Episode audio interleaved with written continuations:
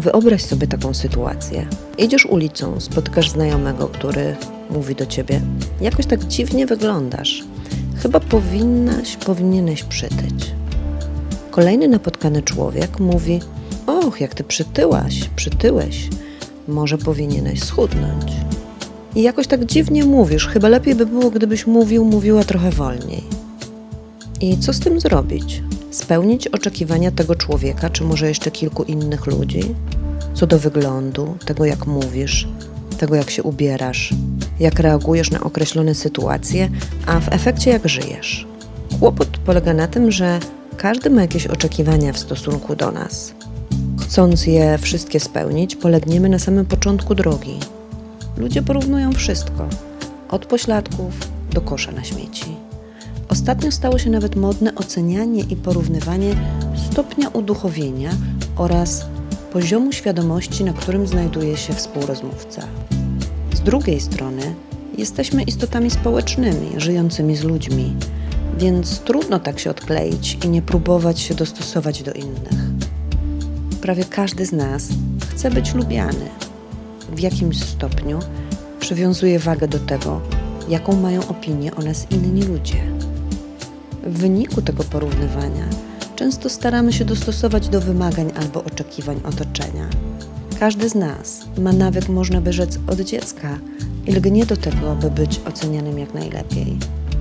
Jesteśmy oceniani i porównywani przez cały czas. Nie da się tego uniknąć. Tylko czy wszystkie te opinie powinniśmy brać pod uwagę? Przecież życie jest zbyt cenne i krótkie, by spędzić je na spełnianiu cudzych oczekiwań. Boimy się tego, powiedzą o nas inni, zupełnie zapominając o sobie, o tym, co my czujemy i jak chcemy, by wyglądało nasze życie.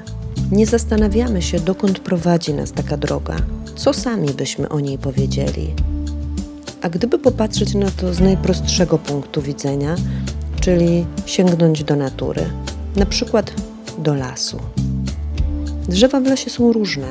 Nie dość, że są tam różne gatunki, to wśród tego samego gatunku drzewa różnią się między sobą.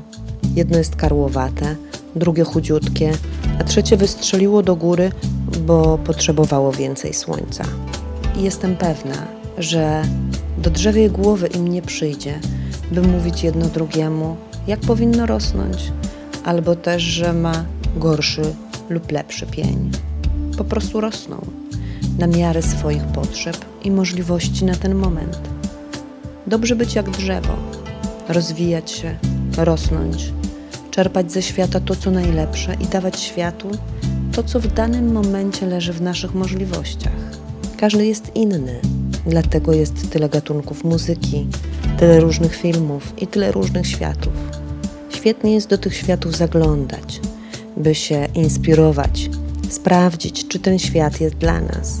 Ale niech nie umknie naszej uwadze zaglądanie też do własnego wewnętrznego świata, by w pewnym momencie się nie okazało, że składa się on z elementów, które niezupełnie nam się podobają albo do nas nie należą. Nie jesteśmy w tym wszystkim jak odbiornik radiowy.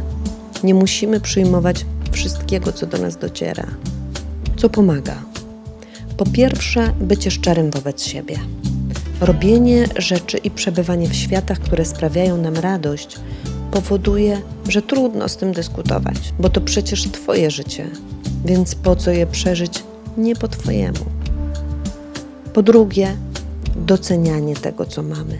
Jeśli tego nie ćwiczysz, zawsze będziesz porównywał, oceniał i świat nie będzie wystarczający na żadnej płaszczyźnie. A droga, którą idziemy, przecież nie jest konkursem popularności, choć sądząc po mediach społecznościowych, tak może się przez chwilę każdemu wydawać. Można ją spokojnie przejść, nie uczestnicząc w tym konkursie, robiąc to, co uważamy za słuszne.